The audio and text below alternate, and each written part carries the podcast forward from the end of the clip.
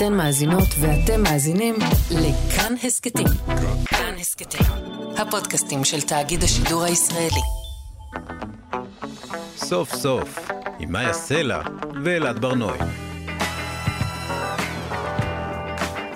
שלום, אחר צהריים טובים, אנחנו סוף סוף, מגזין סיכום השבוע של כאן תרבות, מאיה סלע ואלעד ברנועי, שמים סוף לשבוע.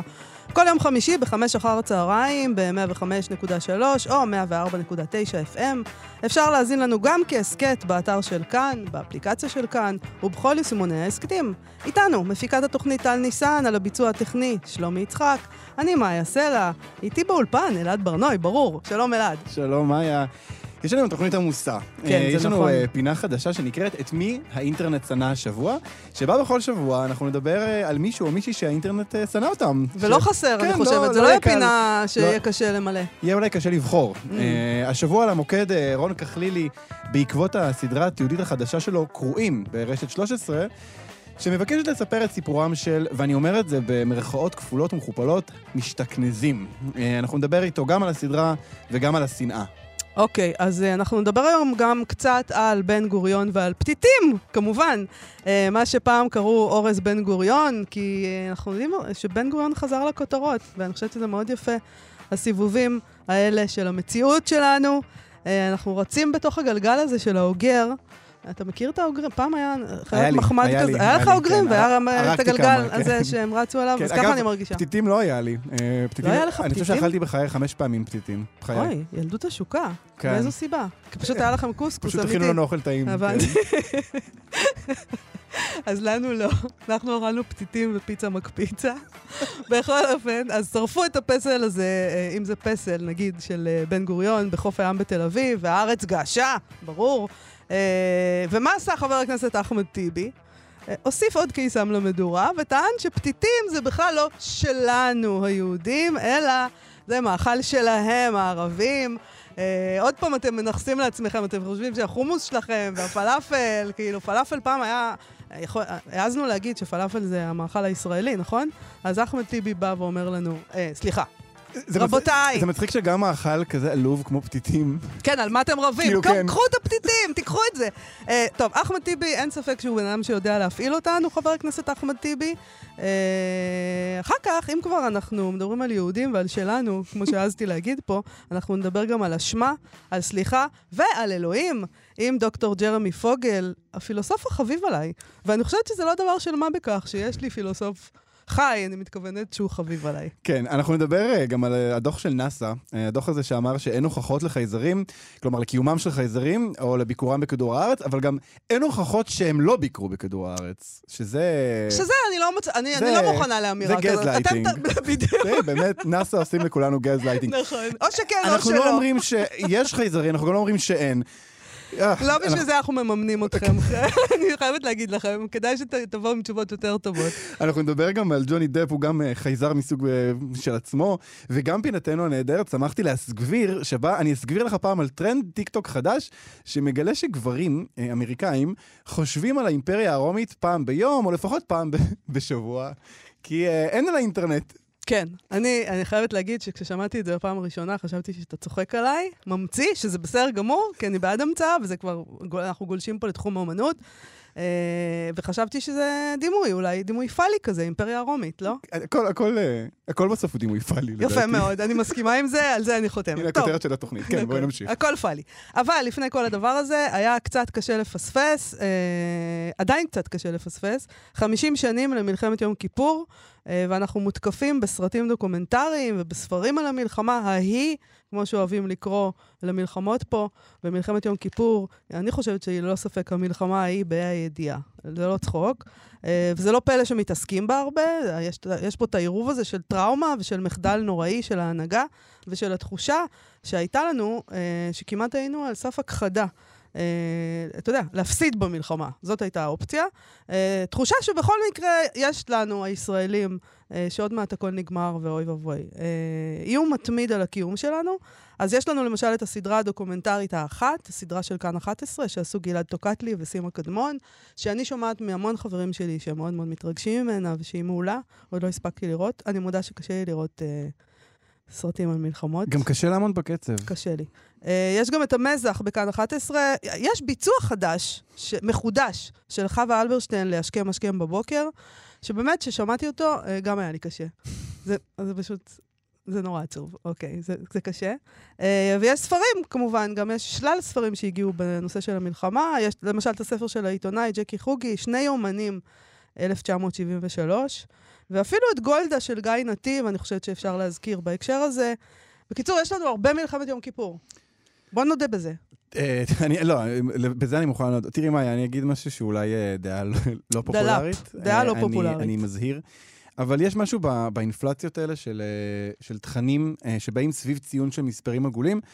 אה, לאירועים היסטוריים, לימי הולדת, זה, זה מעורר בי אה, אי נוחות הדבר הזה. אה, 50 שנה למלחמת יום כיפור, לפני רגע היה 50 שנה למלחמת ששת הימים, אה, או 50 שנה לכיבוש, תלוי את מי את שואלת. 100 שנה להולדת ביאליק, בכלל, יש לו חמישה ימי הולדת בשנה, אני מרגיש. כל הזמן, הוא כל הזמן חוגג 100 איכשהו, ו-50 שנה למותה של לאה גולדברג, 30 שנה לזבד הבת של רחל המשוררת, אני באמת... אני מבין את החשיבות של האירועים האלה, אה, אבל יש משהו כמעט מגוחך בלעשות עניין רק בגלל שזה מספר עגול. זה לא מהות, זה, זה מספר עגול. הטראומה הזאת שאנחנו מדברים עליה, שהיא אמיתית והיא נוכחת והיא כנראה בכל בית בישראל, היא לא עגולה, היא שבורה, היא מרוסקת, אין לזה ולחמישים הזה שום דבר. אמ, טוב, אני אגיד לך, אני אגיד שני, שני דברים. אולי שלושה, אני לא מבטיחה. תראה, כעיתונאית, אין ספק, אה, אנחנו יכולים להודות בזה פשוט שאנחנו, העיתונאים, אוהבים מאוד מספרים עגולים. אתה לא יכול להכחיש את הדבר הזה. מאוד. זה נותן לנו מסגרת. אה, העובדה שיש עכשיו אינפלציה בספרים וסרטים על מלחמת יום כיפור, זה קשור גם לדבר הזה, זה גם פעולה יחצנית, יש להניח. אנשים כתבו וצילמו ומתעניינים במלחמת יום כיפור, כמובן, ובמה שקרה שם, והם החליטו להוציא בתאריך הזה, כי מן הסתם הם חשבו שזה יהיה לזה יותר קשב, ו- ועיתונאים אוהבים מאוד מספרים עגולים ולחגוג אה, ימי שנה, ימי הולדת וכל הדבר הזה. על יום כיפור, בכלל, על הדבר הזה, על, על המלחמה, אני חייבת לומר שיש אנשים שעדיין נמצאים שם, זאת טבעה של טראומה. אה, אני חושבת שהדבר הבאמת עצוב בכל הסיפור, הוא שנראה שאין לנו שום כוונה ללמוד משהו. אה, אנחנו מסתכלים על זה אה, כעל משהו שהיה פעם. אה, אתה יודע, כמו המנהג הזה שיש, הארכיון, הארכיון נפתח פעם בכל... ש- ב-70 שנה. 70 שנה, נכון. אז אנחנו מחכים 70 שנה אה, לראות את הטיפשות של ההנהגה. ואת הסבל של העם, אבל אף פעם אנחנו לא, כבר, זה כבר יותר מדי זמן, אז אנחנו לא חושבים שאנחנו צריכים להסיק מסקנות על מה שעכשיו, ועל גם על עכשיו, על מה שקורה פה עכשיו, ידברו כנראה בעוד 70 שנה, וזה יהיה כבר רחוק ולא רלוונטי, וגם כבר אין את מי להעניש, כולם מתו, אה, וסתם ידברו על הטמטום שהיה, תראו, תסתכל על מטומטמים היו פעם, ויעשו מאיתנו זינוק לאתמול. יש משהו מנחם בדבר הזה. למה? ב- למה? בזה? שהטמטום חוזר כל הזמן. זאת אומרת, טוב, אנחנו לא חיים בתקופה הכי מטומטמת בהיסטוריה, אה, פשוט כל לא. תקופה היא התקופה הכי מטומטמת? בהיסטוריה. אה, ובאמת, אני- אני- כולנו חו- חוטאים בדבר הזה. אה, עוד חודשיים זה 60 שנה לרצח קנדי, ואני אני- אני כבר מתכונן. מתכונן בזינוק בזינוק לאתמול, כעורך של כן. זינוק לאתמול. כן. יפה מאוד. אני, אתה כבר יודע מי רצח את קנדי, או שאנחנו עדיין לא... השב"כ. השב"כ, השב"כ. אוקיי.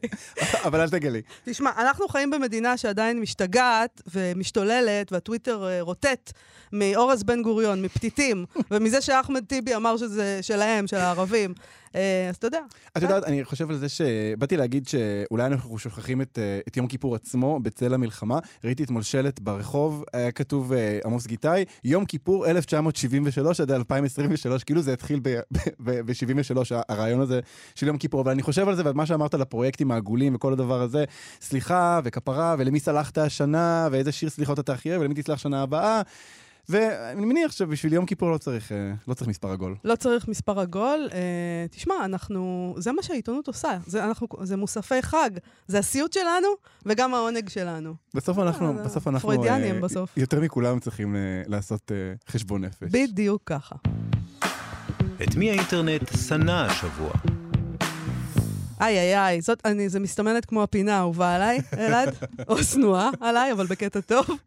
אה, את מי האינטרנט שנא השבוע? נדמה לי שהפעם לא הייתה לנו שום התלבטות לגבי העניין הזה. הזוכה המאושר בוודאי הוא רון כחלילי, שבאמת חטף כל כך הרבה רפש. וואו.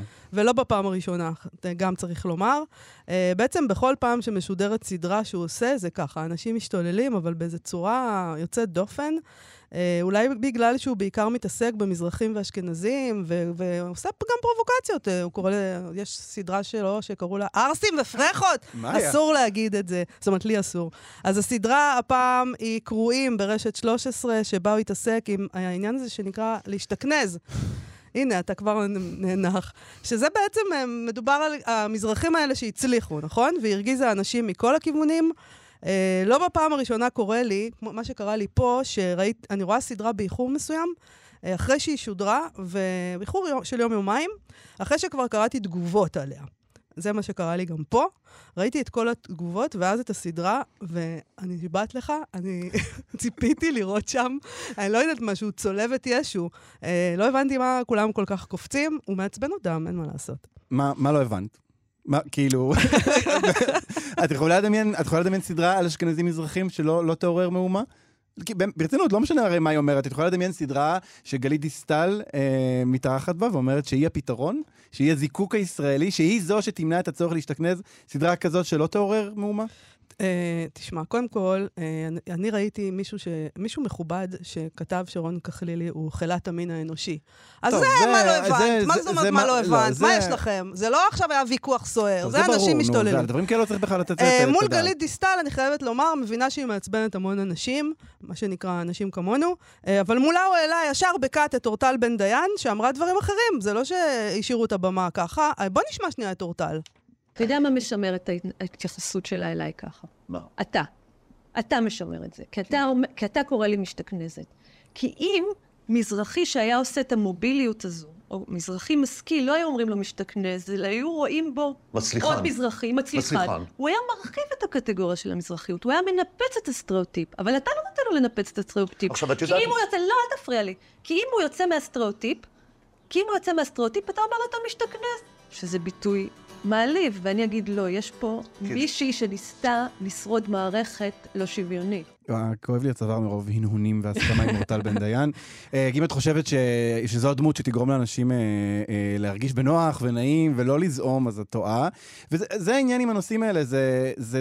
כולם התעצבנו מכל הכיוונים, ימנים, שמאלנים, מזרחים, אשכנזים, כולם מתעצבנים, כי זה נוגע באמת בעצבים נורא חשופים.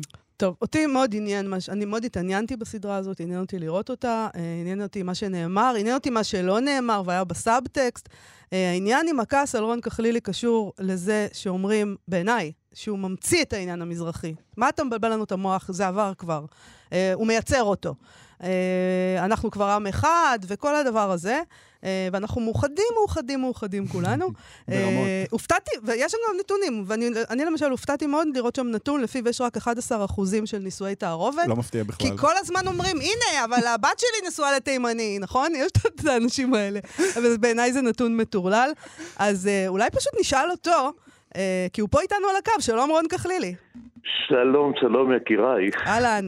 קודם כל, אני רוצה לשאול אותך, וגם את אלעד, אה, האם זה בסדר בכלל שאני משתתפת בשיחה הזאת, או שאני צריכה פשוט לשבת פה ולשתות? די, מאיה, אנחנו מכירים כבר איזה יום-יומיים, ברור שאת יכולה. יפה. זה הזמנה, זה הזמנה לדיאלוג. מאיה, את אשכנז... עם כל הדאווין מסביב. אני האשכנזייה שאתם לא מכירים. את עלי התאנה שלנו.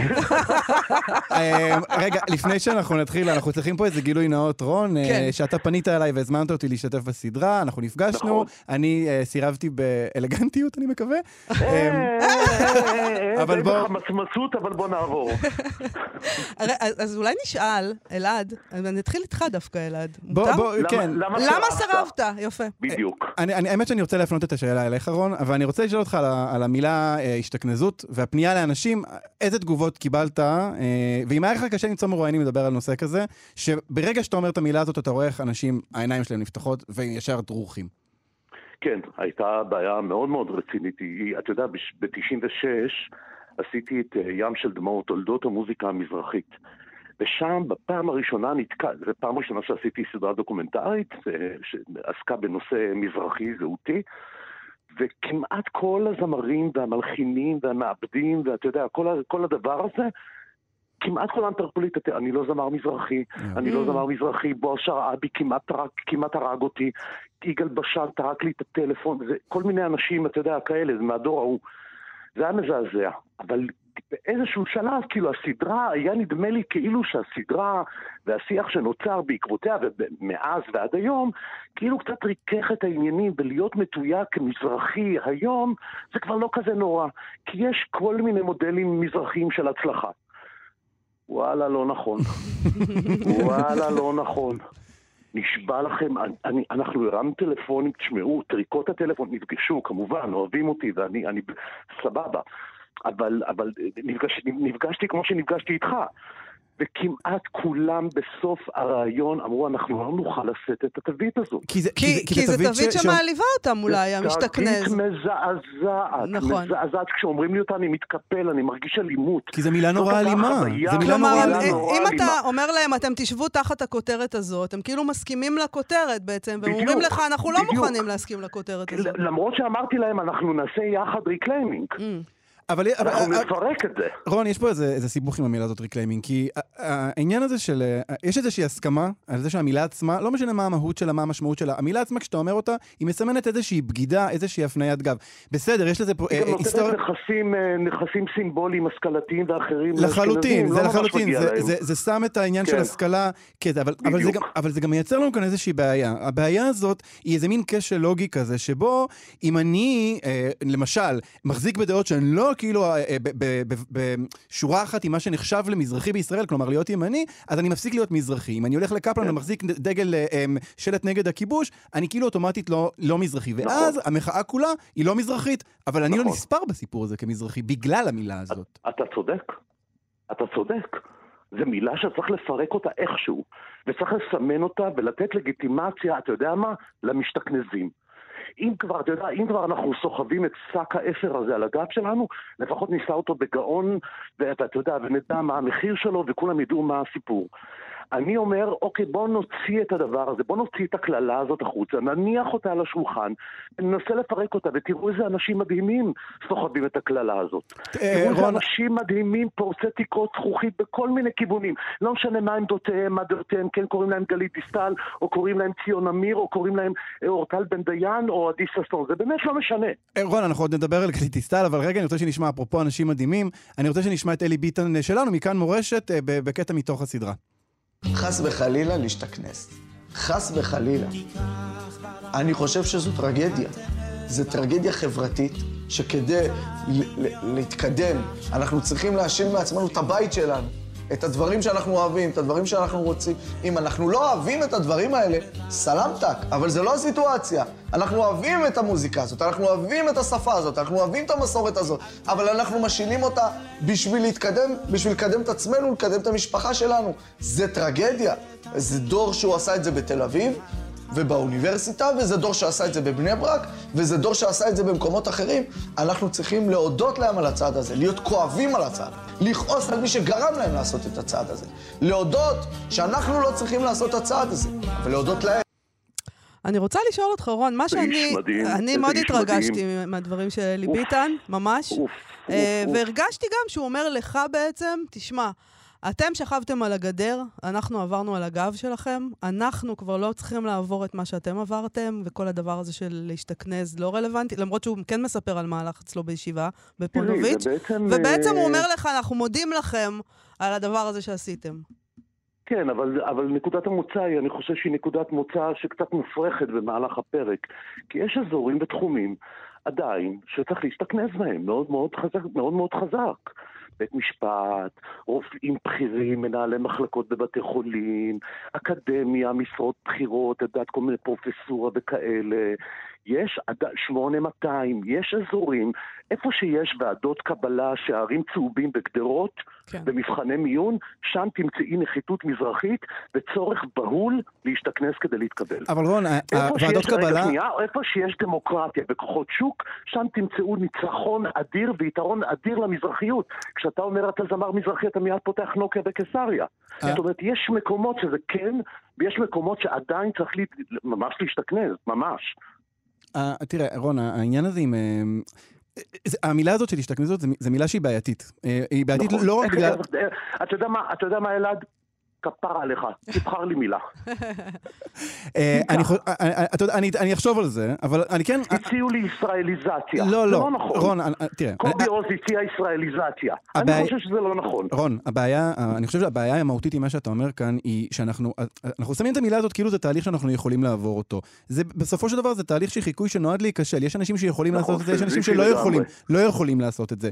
אבל אני רוצה נכון. לשאול אותך דווקא על גלית דיסטל, ולא על הבחירה להביא אותה, אלא בכלל העניין של פוליטיקה. פוליטיקאים, כי אני ישבתי וצפיתי בסדרה וראיתי אותה יושבת מולך, ומהנדסת תשובה לפי מה שמתאים לה עכשיו, כי היא פוליטיקאית, וזה בסדר, זה פוליטיקה, גם הבחירה שלה עכשיו להיות מזרחית ולשים את זה בפרונט, זה גם, זה בחירה פרגמטית, הקולולו שהיא עושה עם המשפחה שלה, זו בחירה פרגמטית, אני מבין את זה. אבל בסוף, אתה יושב עם אנשים ואתה, אתה, מה אתה מחפש שם? אתה מחפש איזשהי אה, רגע של זהות אותנטית, הרי כל, כל הדבר שהיא מתארת הוא חיקוי, כל הדבר הזה הוא איזשהו תהליך של זיוף. כן, אבל אתה יודע, כל, כל, כל, כל ההשתכנזות עצמה היא זה סוג של וונאבי וזיוף. אז כאילו, אתה יודע, גלית משתלבת שם מאוד טוב מהבחינה הזאת. כי, כי, כי, כי מה, מה עושה המשתכנז? הוא הוונאבי האולטימטיבי. הוא זה שנכנע, מתפרץ כאילו למועדון יוקרה שהוא לא שלו, מעמיד פנים שהוא אחד מהחבר'ה, ולכאורה כאילו הוא שווה. זה בדיוק מה שקורה לגלית. זה בדיוק מה שהיא עושה, היא עושה את התהליך של ההשתכנזות הזאת און קאמרה לידי. אתה, היא, רוני, מנצ... היא לוקחת, תשמעו, המזרחיות הפכה בעשור האחרון, יותר מעשור, זה כבר, זה כל עידן נתניהו נקרא לזה. המזרחיות הפכה בעידן נתניהו לכלי שסוחרים בו. נכון, לגמרי. נכון. זה מחליף את מפקדי הארגזים של שנות החמישים והשישים, נכון. שמביאים ביום הבחירות את המזרחים, נותנים להם את הפתק הנכון ואומרים להם יאללה, כנסו טיפשים, נכון. כנסו תצביעו למי שדופק אתכם. זה בדיוק הדבר הזה, יש מניפולציה אדירה לכוח הזה. אממה, אני רוצה להתעקש רגע על, על גלית, בסדר? אני מכיר אותה כמה שנים. היא הצטלמה על איזו סדרה קודמת שלי, אני פגשתי שם אדם אותנטי. אני אה. מצטער. אוקיי. מצחיק, שנון, עברית מרהיבה, ממש מרהיבה. אני, עברית קונה אותי. כשמישהו מדבר אליי כמו שהיא מדברת אליי, אני נמס. אה, אה, רון, אני-? אני- אני חושב... אני לוקח את הדעות הד- שלי הצידה, אני עיתונאי כפרה עליך, אני מתעד מציאות, אין משתכנז אחד, אין מזרחי אחד, אין אשכנזי אחד ואין ערבי אחד. יש כל מיני סוגי משתכנזים, גם כאלה שלא מוציאים חן בעיניי, זה ספקטרום ענק. אני- אני רוצה... אל תצמצם אותי לוונאבי קטן שהולך לגילמן ואתה יודע, לוקח איתו תפוח ירוק. רון. אני, לא- זה לא רק שם, תקשיב לרונה קינן כזה. למה אני לא שם? רון, אה, אה, האמת שאתה יודע, אתה אומר לי נמס, ואני אני, אני, אני, אני, אני נותר בחשדנות הזאת. סביב כל אני- פוליטיקאי, אני סביב כל פוליטיקאי. ואני גם לא, אני, אה, אתה יודע, אדם יושב ומדבר איתי על אותנטיות, ואני אומר לעצמי, יש פה בעיה, אם, אם בן אדם מסוגל לדבר באופן כזה. אבל אני רוצה לדבר דווקא על אמירה אחרת, שנשמע שני, את אבי שושן, את מבקר המוזיקה המזרחית, עופר של איכילוב. הוא אומר לך אמירה לא פשוטה שבחרת להשאיר, ואני רוצה שנשמע אותה רגע. אתה מדבר על מושגים של שנות ה-70 וה-80 וה-90 שכבר אין להם מקום יותר ב-2023. אתה חי צריך להיות פי סכמות והגדרות שכבר די. ואתה יודע משהו רון? הסדרה השיחה שלך זו כבר הסדרה האחרונה. כי אני הדור האחרון.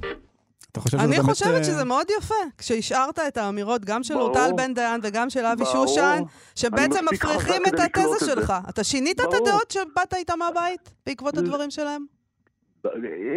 לא ממש, לא ממש, אבל פתאום הבנתי ש- שהאופציות יותר גדולות, ש- שה- שהמניפה יותר רחבה ממה שחשבתי.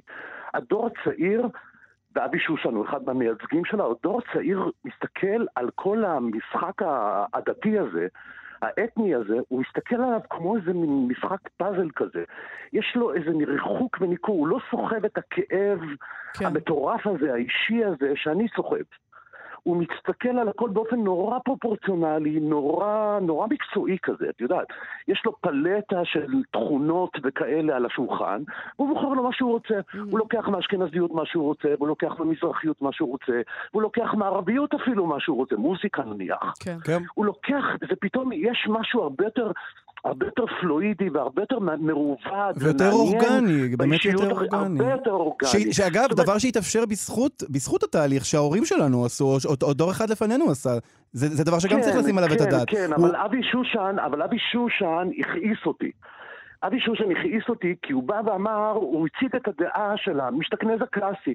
זה שבעצם מסתכל בעין צהובה, בעין צהובה קצת על המאבק המזרחי, בעין מנוכרת טיפה על המאבק. כן, הוא אומר לי, הכל בסדר, יש, אנחנו ב-2023, יש שוויון בבית החולים. כן, כן. לפני 13 שנה, כשיצ... כשאני הגעתי לשם, לבית החולים, היו ארבעה רופאים. אנחנו יוצאים לאיזה סוג של מסע בתוך מסדרונות בית החולים, אנחנו פוגשים את אותם ארבעה רופאים, לא קרה שום דבר. אז זאת אומרת, כל מי, ש... כל מי שמדבר פה על איזה אמנציפציה ואיזה תיקון ואיזה אקלקטיות מעורבדת מתעלם מהסטטיסטיקות, זה נכון, וואלה, זה תמיד. וואלה, יש תחומים ויש תחומים. אני רוצה לשאול אותך, תגיד, אתה התרגלת כבר ל- לרשף הזה של השנאה כלפיך? חלאת המין האנושי, לא פחות ולא יותר. לא, זה מטורף לגמרי, אני מראה לכם מה, מה אני מקבל באינבוקס, אתם מתעלפים, זה כאילו צלבי קרס ואיחולי מוות לילדיי ונכדיי, למרות שאין לי, וכאלה, זה מטורף מתרגלים לגמרי. לזה? זה אתה אדיש לזה? זה משפיע עליך? אה, תראי, אני כותב בהארץ, מהמם. שם למדתי לא להסתכל על, ה, על הטוקבקים. כן, כן. זה באמת, אה, וואו. זה, וואו, זה חלאת המין. זה, אם מדברים על חלאות, זה שם. אה, זה התהום הכי רעילה, זה הטוקבקים שם. מטורף לגמרי, זה, זה טרוריסטי לגמרי, זה, זה אלים ומשתיק, ומתחת החגורה כל הזמן. זה אישי, אישי, אישי, אין בזה שום דבר עקרוני. הכחשה מוחלטת, עיוורון מרצון, אין בזה שום דבר. באמת שמירה על פריבילגיות גזעניות ודוחות. זה כאילו הסיפור. אז על זה, כשפרסמתי את המאמר הראשון, קראתי את הזה, שלושה ימים, שלשולים, הקראות, חבל לכם הזמן, הלכתי למות. וואו. ממש. ואז קיבלתי עצה מאיזה עורך בתוך הארץ שאמר לי, אל תקרא יותר, אתה במיוחד, אל תקרא יותר. והפסקתי לקרוא, ווואלה, מאז שהפסקתי לקרוא את הטוקבקים האלה, אני יותר יכול לכתוב בעיתון הארץ. כן. יותר יכול, אני לא מסתכל על זה פשוט. עכשיו אני- תנסה לא להתגבר על ה-. על הפייסבוק. לא מתרגלים לזה. כן, אני- לא אני- מתרגלים. תשמעי, תמיד אמרתי שאני רוצה להיות נועה קירל של הדוקו. אני רוצה להיות האהוב הזה. רון, אני פנתרה, רון. גם נועה קירל, גם נועה קירל מאבדת אחית, זה לא מחזיק, זה לא מחזיק. זה בסוף לא מחזיק. רון כחלילי, אני מאוד מאוד מודה לך. אה, אני אוהבת אותך, אני מה אכפת לך גם אני? אוהב אתכם מאוד מאוד. גמר חתימה טובה. תודה, גמר רון. חתימה טובה, תודה רבה. להתראות. סוף סוף, מאיה סלע ואלעד ברנועי. כאן תרבות, אנחנו שמים סוף לשבוע, ועכשיו למשהו אחר לחלוטין. אה, מאיה, אחרי רעידת האדמה במרוקו, הרשת אה, התמלאה בעדויות על אורות משונים בשמיים, אה, ממש שהופיעו רגע לפני אה, רעידת האדמה. בתוכנית המדע שלנו, שלושה שיודעים, היא משודרת כל יום בשעה שבע, נתנו אה, הסבר אפשרי לתופעה, לצערי ההסבר הזה אינו כולל חייזרים. אה, אה, אה, התראיין אצל אה, שרון קנטור פרופסור יואב יאיר, שהוא אה, דיקן בית הספר לקיימות באוניברסיטת רייכמן וחוקר אטמוספירה וחלל, לגבי האורות האלה. הוא הסביר שהאורות האלה נראים כמו חרוטים בשמיים, אורות סגולים וכתומים. אני גיגלתי, זה באמת באמת נראה כמו חייזרים, אבל זה לא חייזרים, זו תופעה פיזיקלית אמיתית שמתרחשת באטמוספירה בזמן רעידת, אה, רעידת האדמה חזקה. לפעמים אתה אומר, למה אתה צריך מדענים? ממש. היה לך טוב כשחשבת שזה. חייזרים, אה, נהנית עכשיו, מזה. הוא אומר שמשהו מאוד מעניין, ש, שיש עדויות בנות מאות שנים אה, על האורות האלה. כלומר, Mm-hmm. במשך מאות שנים אנשים אמרו, וואו, חייזרים באים ומרעידים לנו את האדמה, ואז באים הפרופסורים ואומרים, לא, לא, לא, זה שד, שדות אה, מגנטיים ומטענים חשמליים שמתפרקים אה, מקרום אה, כדור הארץ. עכשיו, הוא דיבר שם על כל מיני אה, תופעות שקורות בזמן רעידות אדמה, אבל, שזה באמת מעניין כשלעצמו. אבל אז הם דיברו על מה שבאמת מעניין, וזה חייזרים. אה, נאס"א פרסמו דוח בשבוע שעבר בעניין עצמים בלתי מזוהים. אה, סוכנות החלל האמריקאי אה, הודיעה שאין הוכחה שמקורם בחלל החיצון, אבל לא ניתן לשלול זאת, שזה באמת אמירה בלתי נסבלת, פשוט אמירה בלתי נסבלת, אבל לצד כל הדבר הזה בכל זאת יש תקווה. הם הודיעו על מינוי חדש בנאס"א. בואו נשמע. עד עכשיו אין שום עדות מוחשית לכך שהתופעות הנצפות בטבע הן אה, אה, עדות לטכנולוגיה חוצנית. מה שכן אמרו, אה, נאס"א אמרה שהיא עכשיו פותחת את זה למחקר רציני ותקדיש לזה זמן ומאמץ. הם הולכים להקים אפליקציה שתפנה לציבור הרחב לתעד את מה שהם רואים או חווים או מרגישים. כדי שיוכל להתבצע מחקר מדעי רציני סביב אותן כן, הם, אנומליות. למעשה יש אפילו תפקיד חדש עם משכורת חדשה. יש מנהל מחקר עב"מים, שלפחות לכאורה לא היה כזה עד עכשיו, או לא הוכרז כזה בנאס"א. לא היה בנאס"א, היו בגופים אחרים, כן. היה בפנטגון, היה ב-US Air Force, יש את פרויקט בלובוק, הידוע הספר הכחול בשנות ה-60 וה-70. זאת אומרת, יש הרבה גופים, אבל מן הסתם, אה, כמו שאמרו האנשים של הפאנל בנאס"א, רוב העדויות שנאספו, אה, וחלק מהטכנולוגיות שבהן הם נאספו, היו national security secret. אי אפשר היה לגלות באיזה מכשיר ראו את זה, ולכן זה נשאר חסוי בתיקים, מה שכמובן עורר את אה, סקרנות הציבור ואת תיאוריית הקונספירציה. מה היה? תשמע, אני רוצה להגיד לך משהו. קודם כל, הרעיון של אפליקציה שתפנה לציבור והציבור יוכל להגיד מה הוא מרגיש וחווה, כן, אני הולך לא להוריד אותה שמעתי מיד, כזאת כן. שטות בחיים שלי. באמת. יודעת אבל מה תפ- זה. בוא נפנה לציבור ונשאל אותו מה הוא מרגיש. אבל את יודעת מה זה, זה כמו שנותנים. היום שאלונים על כל דבר, איך חוויית השירות, ואז את פורקת את כל. את פורקת את כל מה שהיה אבל זה. נאסא, מה זה? נו, אבל מה הם אתם עושים? אמורים להיות אנשים רציניים. אבל מה הם עושים כאן? הם אומרים, כל הסייקוס האלה שמתקשרים אלינו, עכשיו יהיה לכם אפליקציה, תרגישו טוב, יש לכם מקום לפרוק את כל אוקיי, הדברים. בסדר. אותי עניין שהוא דיבר על זה ש... טוב, כמובן שמדובר בטכנולוגיות שאסור לדבר עליהן, כאילו זה ברור שבכל העולם מופעלות כל מיני טכנולוגיות סודיות של כל מיני צבאות. אה, את יודעת, אני כאילו מתעניין, אני יוצא מנקודת המוצא שברור שיש חייזרים. ברור שיש חייזרים, איזה שאלה, מה זאת אומרת? לא, רק אנחנו פה, ואין בשום כוכב אחר אף אחד אחר, רק לא, אנחנו אה, הגענו. אה, לא יודעת, לא נראה לי. זו הסיבה שאנחנו לא מגישים את שלושה שיודעים מה היה בדיוק, הדבר הזה. אבל לא רק שיש חייזרים, אני גם בטוח- שמבקרים כאן. מעניין אותי אם Mm. יום אחד אנחנו נסתכל אחורה על הדיווחים האלה ונגיד אה, איזה תקופה פרימיטיבית וחשוכה, כשהיינו מת- נאלצים לתרץ את כל כן. הם אשכרה לא הביקורים. הבינו כלום, אה? הם לא הבינו אה, מה הם שדות רואים. מגנטיים.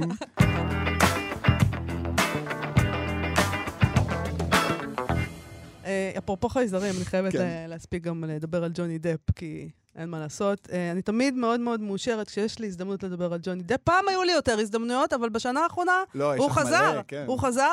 אה, רק אה, ווינונה ריידר תרגש אותי יותר, אני מקווה שנמצא הזדמנות לדבר עליה. בסוכות ייפתח פסטיבל הסרטים בחיפה, ולכבוד העסק הזה, גואל פינטו שלנו ראיין בגם כן תרבות שלו, אה, זה מגזין התרבות היומי שלנו, את ירון שמיר, המנהל האומנותי של הפסטיבל, וג'וני דפ צץ שם כדי לעשות מהומות, כי זה מה שהוא עושה בשנה האחרונה, מהומות, ויש לו סרט חדש, כמובן. בוא נשמע. נתחיל ברשותך עם ז'אן דוברי, סרט uh, הפתיחה. אני מבין uh, את המחשבה uh, להציג כסרט פתיחה, סרט שהוצג בתחרות הרשמית בפסטיבל כאן. פתח. פתח. בפסטיבל. אבל האם הייתה גם שאלה אה, מוסרית אה, שעלתה בחיפה? האם בכלל להציג מין סרט שכזה, שהגיבור שלו, הכוכב שלו, הואשם במהלך השנים במעשים פחות נחמדים? אנחנו אה, בפסטיבל אה, לא, לא, אה, איך נגיד זה, לא יושבים כבית משפט לענייני אה, צדק ומוסר. עד כמה שאני יודע אה, ממה שקראתי, ג'וני דפ זוכה מכל ההאשמות נגדו במשפט מאוד מתוקשר, שגם הפך לסדרת טלוויזיה צהובה בנטפליקס, כידוע לכולם. אה, ולכן אה, אחרי שהוא זוכה במשפט שלו, ומכיוון שהוא אה, שחקן שמופיע בסרטים, אני לא רואה דרך שבה אנחנו אה, נקיים בית משפט נוסף לענייני אתיקה ומוסר ונחליט מה ראוי ומה לא ראוי בשביל הקהל שלנו. אני מרגיש, מאיה, שגם אם אה, ג'וני דפ היה מורשע, את היית אומרת שצריך להקרין את הסרט. בוודאי, אתה מאוד צודק, אתה מכיר אותי היטב, ברור שצריך להקרין את הסרט הזה בכל מקרה. אה, את ג'וני דפ אולי הייתי אה, מבטלת, כמו, שאתה, כמו שאתם אוהבים לקרוא לזה אצלכם, על זה שפעם הוא עשה קעקוע Winona Forever, כשהוא היה חבר של ווינונה ריידר, ואז כשהם נפרדו, הוא מחק את הדבר הזה. הוא הפך את זה ל Wino Forever. Wino שזה Forever, כאילו, באמת. באמת, איזה מין גבר אתה. על זה צריך כבר לבטל לקחת, אותו. כבר עשית קעקוע, אהבת את האישה הזאת.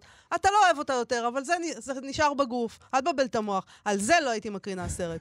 על השאר שטויות. מה קרה לך? אה, נגיד, הסרט אה, ז'אן דוברי, ביימה אותו אה, הבמאית הצרפתית אלג'יראית שנקראת מיוון.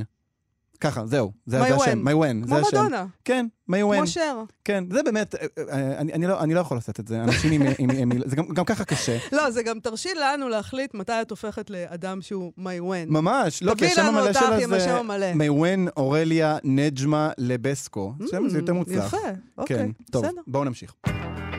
סוף סוף, מאיה סלע ואלעד ברנועי.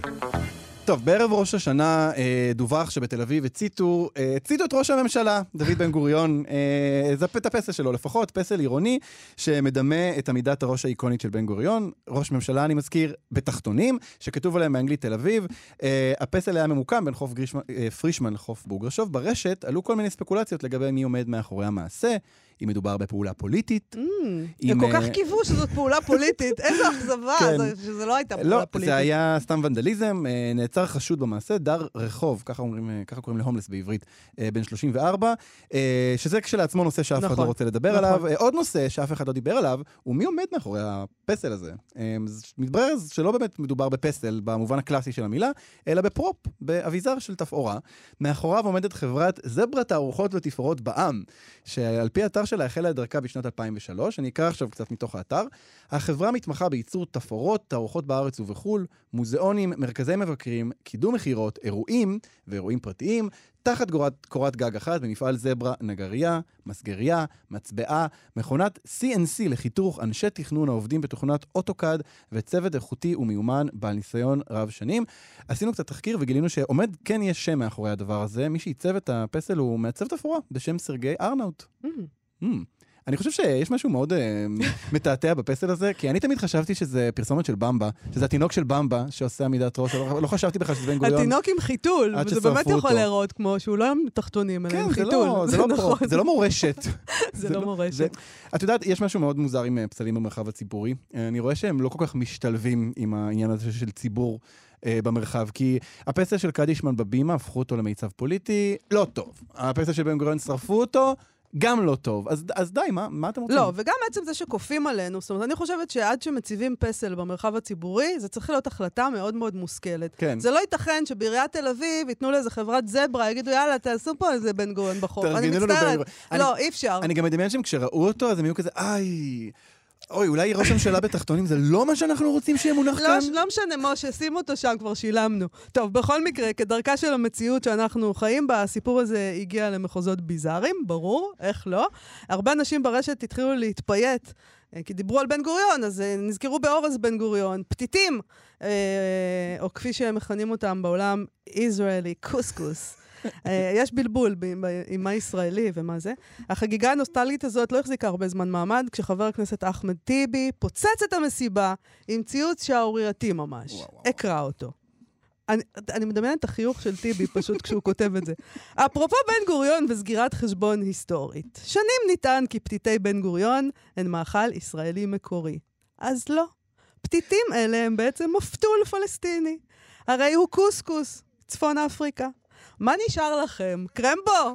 קרמבו הוא מאכל שייצרו בדנמרק במאה ה-19, ואני אוהב מפתול של אימא שעושה אותו ידנית. יואו, פשוט מתחת לחגורה, באמת, מחליף נורא. אני יכולה לדמיין כמה זה אה, גרם לאושר והנאה, ואני גם אה, יכולה לומר עד כמה כולם השתוללו מהדבר הזה. ממש, כן. מה נשאר לנו כבר? אנחנו הבנו שחומוס כולם ופלאפל שכחו מזה לא זה. ששרפו את הפסל ב... עזוב, אבל תנו לנו משהו, פתיתים. אנחנו רוצים לברר את העניין הזה אה, של הפתיתים, למי שייך מה וכל זה, עם השפית והדוקטור, לא סתם דוקטור, דוקטור למיקרוביולוגיה, נוף עטמנה. שלום נוף. שלום לשניכם. מה שלומכם? אהלן, בסדר גמור. תגידי, אני פשוט לא יודעת, מצטערת, אבל מה זה מפתול? וואו, מפתול זה מאכל, אה, שאגב יש לו עוד שם, בשם מורביה. ותכף נחזור לשם הזה, כי הוא חשוב אה, לא פחות. אה, זה בעצם, אה, אה, אגב, זה מגיע מהשורש אה, פ"ת למד, פתל, כאילו פיתל. כי את, לא- מה שעושים, הם בעצם לוקחים את הגרגר של הבורגול, לצורך העניין, ומתחילים ל- אה, לכדרר אותו. אה, ולאט לאט אה, בתוך קמח, ולאט לאט נבנה סביבו ממש קרום כזה של. קמח, כשהגרעין הפנימי הוא בעצם בורגול. אז זה לא בדיוק קוסקוס. אז זה לא- זה לא בדיוק, שנייה, פתיתים. לא, לא, לא. רגע, חכו, חכו.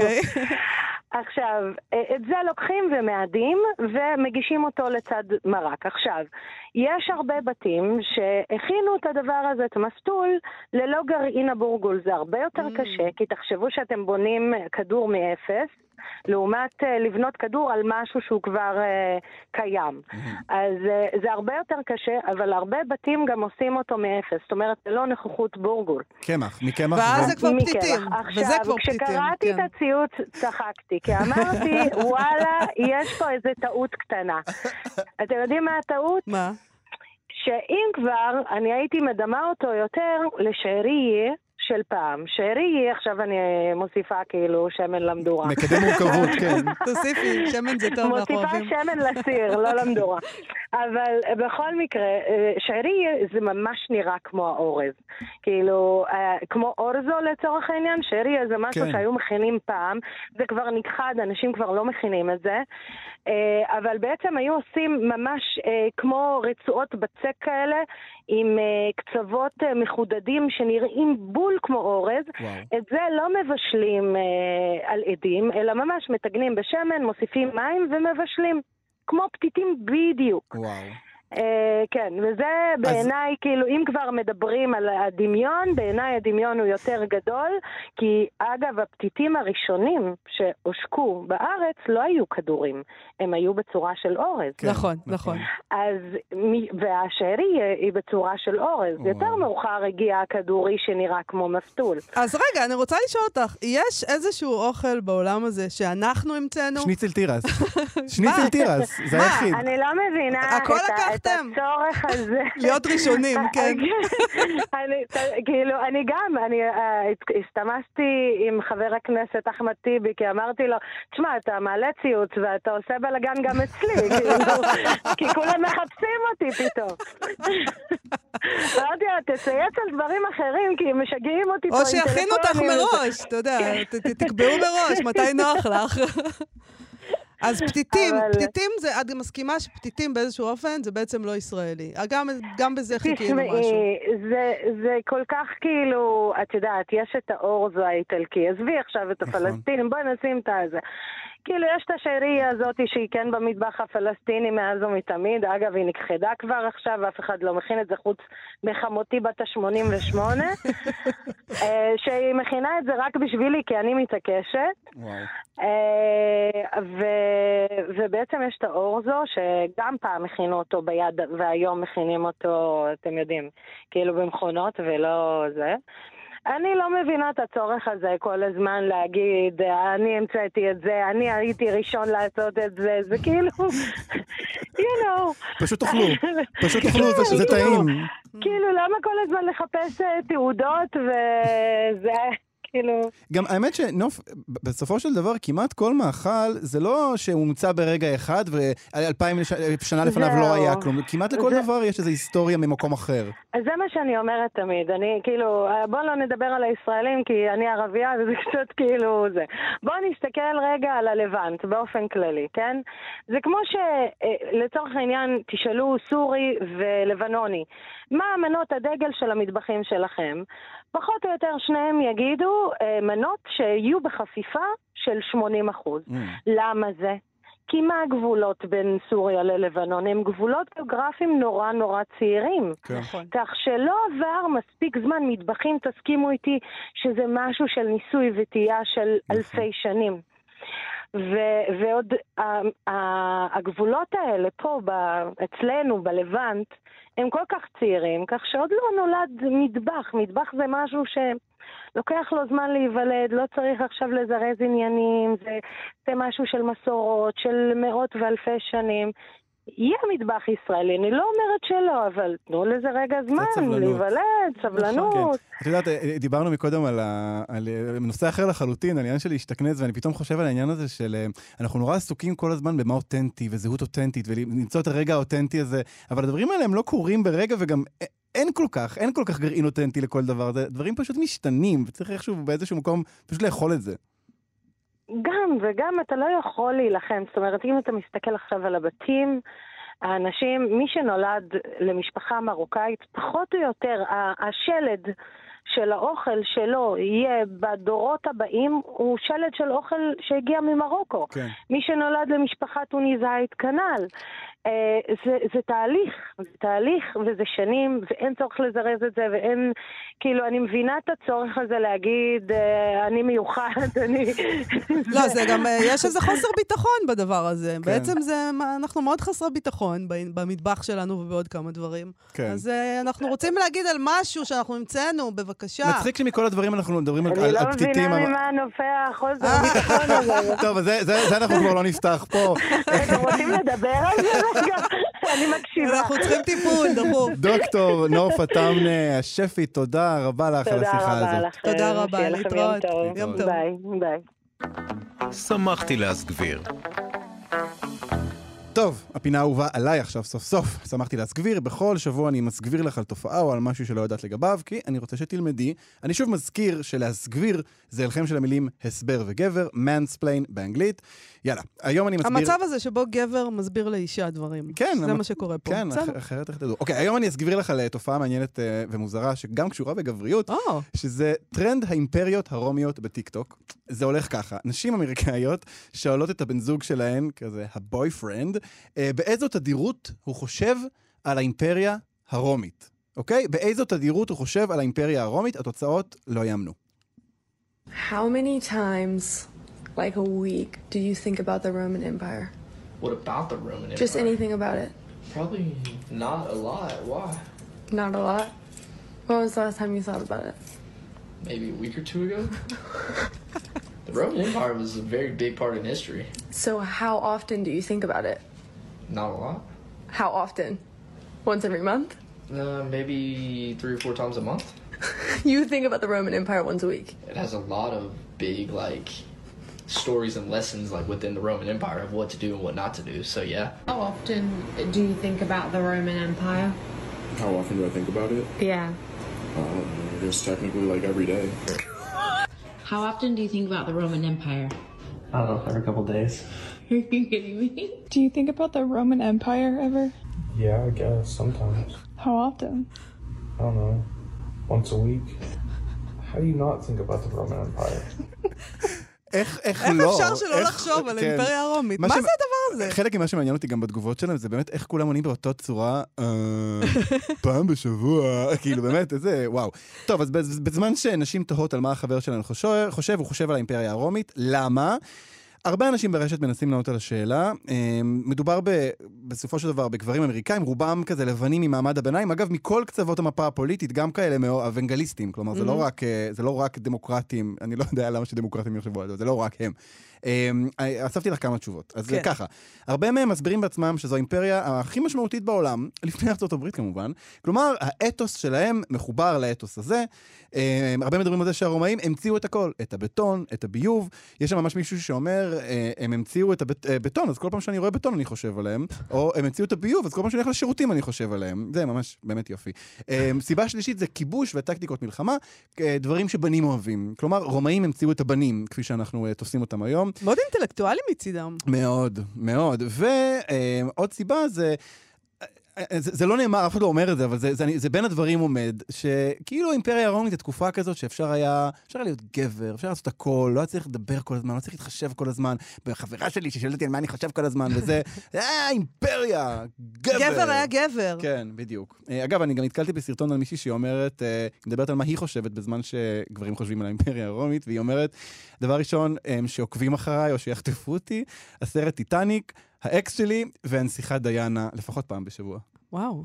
מאיה, אני... אני קשה להיות אישה. אני מנסה. לחשוב על האדפטציה המקו- המקומית, על מה Mhm. בנים פה חושבים, ואני חושב שאצלנו ההפרדה היא דווקא לא מגדרית, וסליחה שאני חוזר למקום הזה, אבל נראה לי שזו הפרדה עדתית. כי, מאיה, על מה את חושבת אה, כל יום? על אושוויץ. לא נעים לי להגיד את זה, אבל זה באמת. לא נעים אני- להגיד את זה, אבל את אומרת את זה נכון. כל הזמן. אני כל הזמן אומרת את זה, ואתה כל הזמן מעיר לי על זה. בדרך כלל על ב-12 אושוויץ. בצהריים, את אומרת, אה, הנה 12 בצהריים, אז זהו, זה הזה שלנו. זה הזה, השואה. זה צריך להיות הטרנד כן. המקומי. אה, זאת אומרת, אבל רק אשכנזים, אתה אומר, אה? אני לא חושב על אושוויץ כל יום. הבנתי. אבל אוקיי. אם את מזכירה לי, אז זה- זה- זה עולה בדעתי. סוף סוף, עם מאיה סלע ואלעד ברנועי. כאן תרבות, אנחנו שמים סוף לשבוע, ואנחנו חשבנו לעצמנו, כמעט ערב יום כיפור, לדבר קצת על אלוהים. אנשים כמונו, כמעט לא, אני לא יודעת אם אנחנו לא מדברים על אלוהים כמו שאנחנו מרגישים שאין לנו זכות לדבר על אלוהים, או אנחנו לא יודעים אם הוא רוצה לשמוע מאיתנו. מי זה אנשים כמונו, מאיה? אולי אנחנו, חילונים, ליברליים, כמוני, אה, אולי אנחנו רוצים לדבר עליו, אבל אלעד, אני, אני רוצה לדבר עליו, אולי זה חסר לנו בעצם. אה, בכל אופן, בגלל כל הדבר הזה, האשמה והבושה וכל הדבר הזה, חשבתי ללכת אל הפילוסוף החביב עליי, דוקטור ג'רמי פוגל, כדי לנסות להבין אם יש לי איזושהי דרך, הנה, אני מדברת על עצמי, להיות במערכת יחסים בריאה יחסית עם הבורא. אם אין לי מערכות יחסים בריאות בחיים, אז לפחות עם הבורא. שלום, דוקטור ג'רמי פוגל. שלום רב, שלום מאיה, שלום אלעד. שלום ג'רמי, איזה כיף שבאת, באמת, כן, זה וואי, כיף מרגיע גם, אותי אני קצת. ממש שמח להיות כאן, אני מתנצ- אני מתנצל שאני כזה בלאגניסט וזה, אבל אני שמח, אני כאן, אנחנו אוהבים את מדברים. הברדק שלך, כן, ג'רמי. כן. ת- תעזור לנו קצת במערכת היחסים הזאת. אה, אתה יודע, אני מכירה איזה מישהו...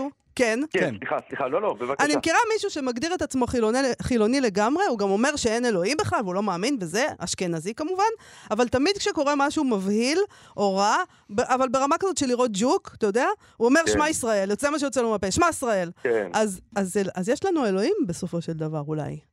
תראי, אני רוצה להגיד קודם כל לגבי מה שאמרתי קודם, ועוד איך שיש לנו זכות, ואני חושב שבתקופה הזאת, היות ואנחנו מתמודדים עם אה, יודו טליבניזציה אה, פונדמנטליסטית אה, של התרבות הדתית היהודית, יש לנו לא רק זכות, אלא גם חובה.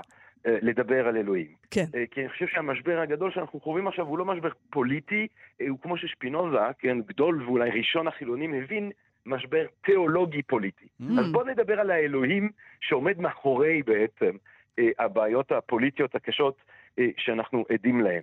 אה, אני חושב שמאוד חשוב שנחשוב בצורה עמוקה על מיהו אלוהים, מה הוא רוצה מאיתנו אם הוא קיים, אה, איזה סוג של אלוהים עומד מאחורי תפיסות פונדמנטליסטיות, שונאות נשים, שונאות להט"ביות וכולי. אה, כך שזה לא רק זכות, זה אפילו אה, חובה.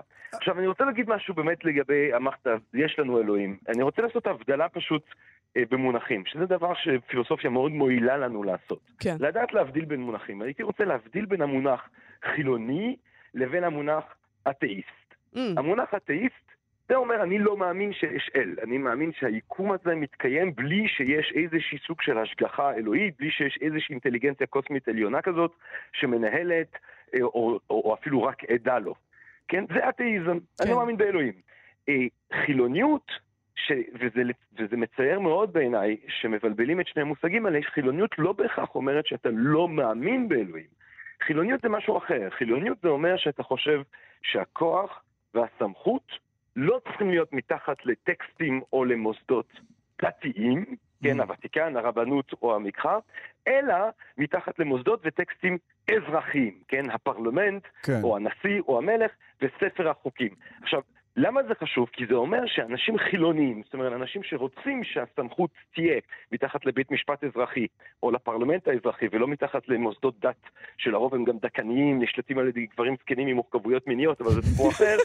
אה, אה, אנשים חילונים הם לא בהכרח כאלה שלא מאמינים באלוהים, כן? עובדה היא שכל המהפכנים הגדולים של הנאורות שהובילו אה, תהליכי החילון בתרבות המערבית, הם היו אנשים מאוד מאמינים. אבל אז, כן? ג'רמי, האלוהים הזה ש, ש, שנותר לנו, האלוהים החילוני, איזה מין מערכת יחסים יש לנו איתו? הוא לא אחראי על כלום, אז הוא מין מה? הוא מין כזה כמו סבא שמעביר לנו כסף מדי פעם ונותן לנו דמי כיס? אני, אני, לא, אני, לא, אני לא רוצה ל- ל- לתאר או להגדיר או לומר איך האלוהים הזה מתקיים.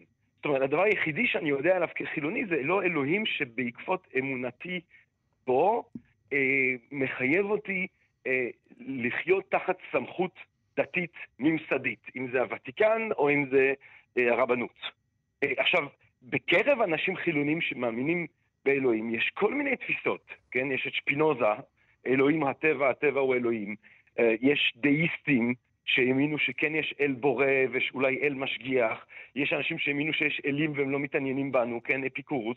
יש כל מיני, יש מגוון מאוד רחב של תפיסות לגבי מיהו האל, כולל גם תפיסות. אתאיסטיות שאומרות שאין אל שנמצאות אה, במחנה החילוני. אין תפיסה אחת. אז ביום כיפור עכשיו, מה, אני, מה תעשה?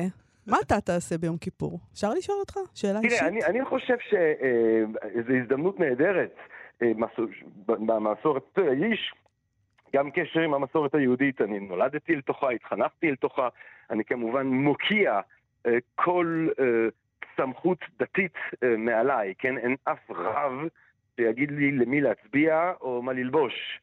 אה, אבל יש המרכיב של חשבון נפש, המרכיב של אה, הסתכלות אחורה וקדימה, הוא מרכיב שאני מאוד אוהב. גם הצום, הפסיביות המוחלטת של היום הזה, זה משהו שאני מאוד מעריך. אני חושב, כן, היות ואני גם מאוד מעריך לא רק את המסורת היהודית, אלא גם את המסורת הסוקרטית, המסורת הפילוסופית, שחיים שאין בהם חקירה לא כדאי לו לאדם לחיותם. כן. אמר סוקרטס וחשבון נפש, זה אולי משהו שכדאי שנעשה לא רק בין ראש השנה ויום כיפור, אלא בין יום כיפור לראש השנה, כן? אה, אולי זה משהו שכדאי שנהיה מעורבים בו כל הזמן. כל הזמן, במידה נכון. כזאת. דוקטור ג'רמי פוגל, אני כל כך שמחה שבאת ואמרת לנו את זה, אה, כי אני, אני רואה עכשיו שאני... יש לי כאן כמה יותר. אופציות. כן, זה הרגיע אותי באיזשהו אופן, אה, ואני מודה לך על זה שאתה קיים. תודה תזכרי, רבה. תזכרי מה היה את המשפט של אה, וולטר. מצד אחד הוא אומר לדרוס את התועבה כשהוא דיבר נגד הכנסייה, ומצד שני הוא אמר, אני לא נוצרי אלוהים, אבל זה רק כדי לאהוב אותך יותר. אה. נקודה למחשבה. תודה רבה, ג'רמי תודה, פוגל. ג'רמי. תודה, כל טוב. להתראות. חג שמח, חג. שמח. עד כאן. עד כאן, זהו. סוף סוף לשבוע זה.